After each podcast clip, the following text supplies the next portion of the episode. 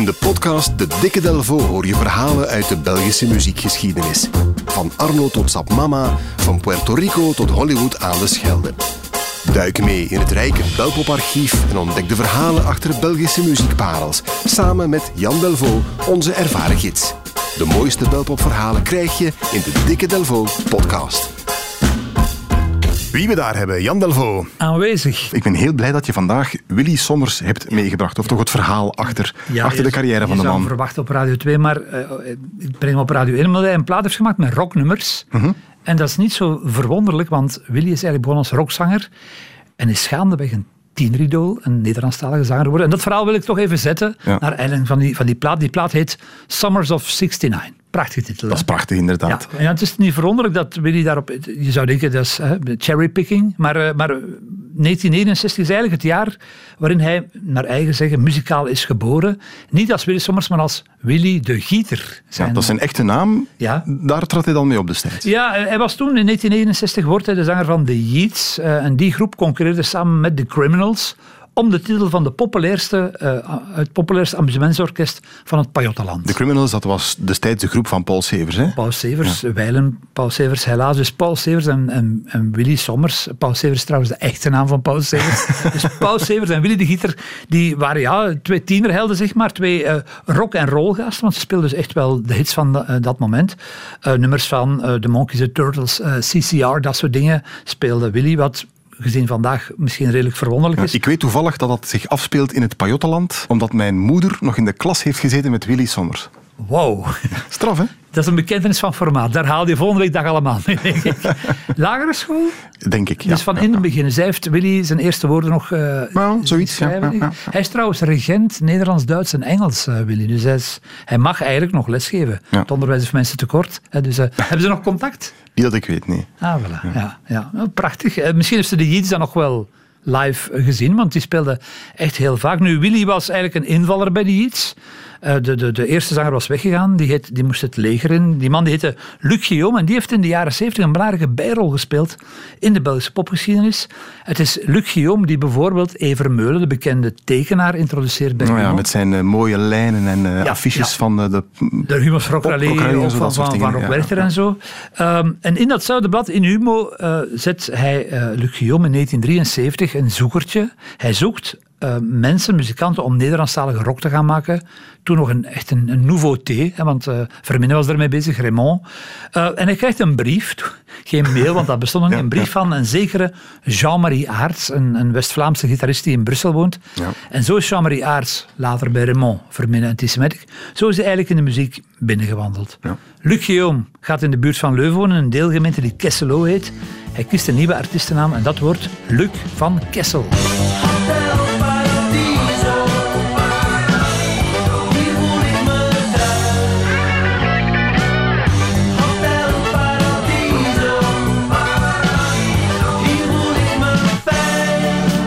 Hotel Paradiso van Luc van Kessel. Die heeft nog zo'n paar dingen gedaan. Hè. Mia, herinner ik mij nog. Ja, zijn eerste was met de groep Split, die haar naam heel kort nadien heeft waargemaakt. Eh, Die is ook gesplit en dat nummer heette Voelensanalyse.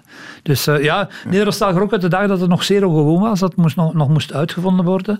Ehm, nu, eh Sommers had voor die iets al wat wa- afgelegd. Had in coverbands gespeeld met prachtige namen als Vierkantswortel 25. Pardon. Dat is gewoon vijf, maar ja goed. Ja.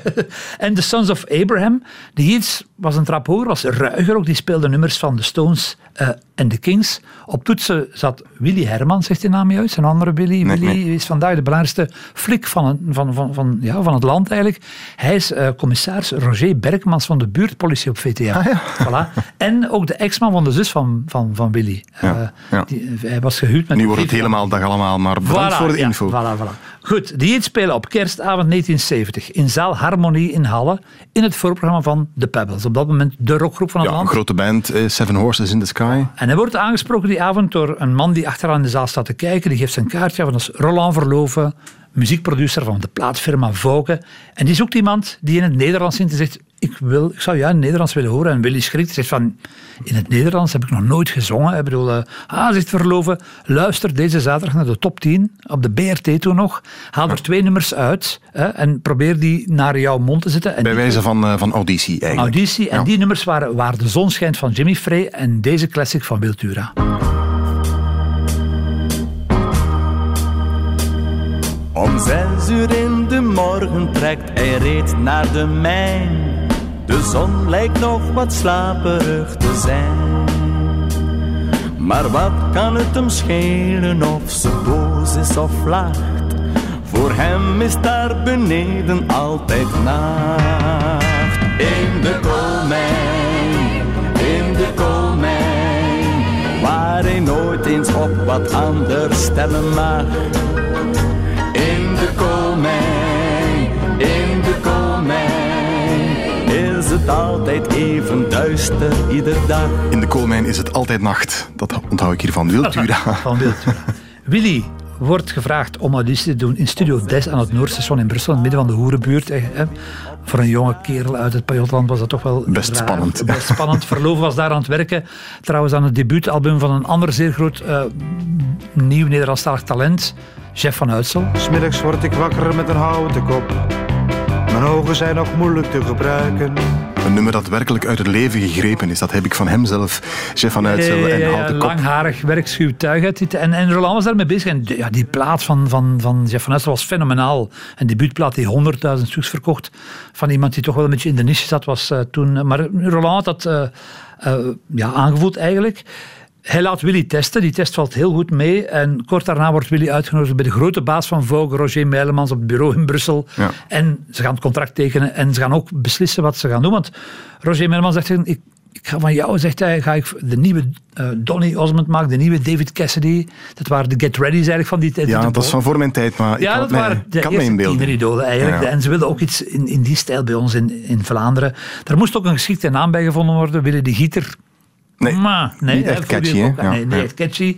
Dus zocht iets anders en ze kijken buiten. En wat zien ze aan de overkant? Eh, staat, hangt er op de gevel een groot bord van een firma die in decoratiemateriaal die heet Sommer. Ja. Maar dat klinkt niet slecht, zegt Meilemans. Willy, Willy de Gieter zegt ja, Sommer, ik ben geboren in augustus, dus sommer, zomer. Hè. ja. En ze maken er sommers van en daar en dan wordt Ja, Sommers. dus nu die Summers of 69, daarmee is de cirkel Wij eigenlijk, danken eh, eigenlijk aan een. Duitse firma en decoratiemateriaal. die Summer of 69, ja, die, die eert dus ja, die begindagen van, eh, van Willy. En het grappige is dat dus hij heeft de grote hits uit die tijd dan in het Nederlands laten vertalen. En die titels, het is eigenlijk een beetje een quizje. Eigenlijk moet je op Spotify naar de titels gaan kijken en raden wat het origineel is. Ik, ik, test het even met jou. Eh, eeuwige dromers. Dromers. Dromers, Daydream Believer, toevallig, ja, van de. Monkeys. Eén punt voor Floris Dalemans. Wij horen samen, samenhorigheid. Together, together. Ah, eh, Happy Together? Happy Together van... Turtles. Ja, alle Ja, groepen hadden toen dierennamen. Eh, eh, hij heeft ook twee mensen te gast op uh, Summer of 69. Helmut Lotti en André Brasseur. Daar moet jij toch blij om zijn. ja, hè? de Ja. koning van het Hammond-orgel. Ja, ik heb die meehelpen. En het was ook wel nodig en ook wel fijn denk ik, om hem terug te lanceren. En dat is ook wel mooi, want, want die twee eh, hebben eigenlijk samen wel een raar verbond. Twee jaar geleden speelde André Brasseur op Pukkelpop. Onverwacht als oudste artiest ooit. Vorig jaar was Willy Sommers de grote revelatie. En Ja. nu zijn die twee dus samen in een mooi verbond. In een nummer, een cover ook. En dat is voor het derde punt, voor je laatste punt. eh, kandidaat eh, Dalemans, het seizoen van de liefde, oorspronkelijk. Het seizoen eh, The Time of the Season, Van de zombies, toevallig. drie punten. Oké, gaan we naar luisteren. Jan Delvaux, bedankt. Hè. Graag gedaan. In seizoen van de liefde wil ik bij je zijn. Elke dag van elkaar genieten. En er gaat nooit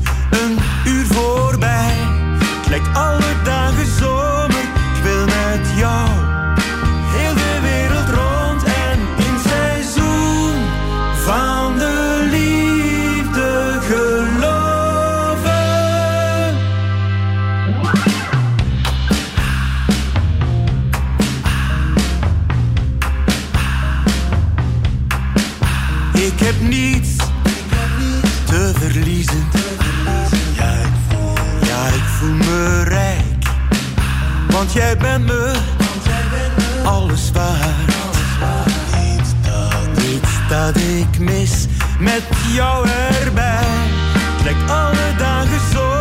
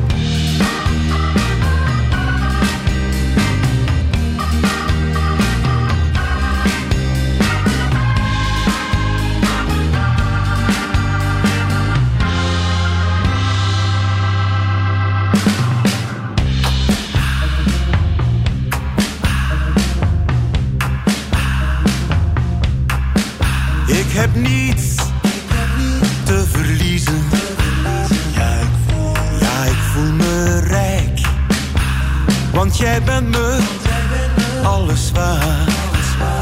Iets dat, iets dat ik mis met jou erbij. Lijkt alle dagen zomer, ik wil met jou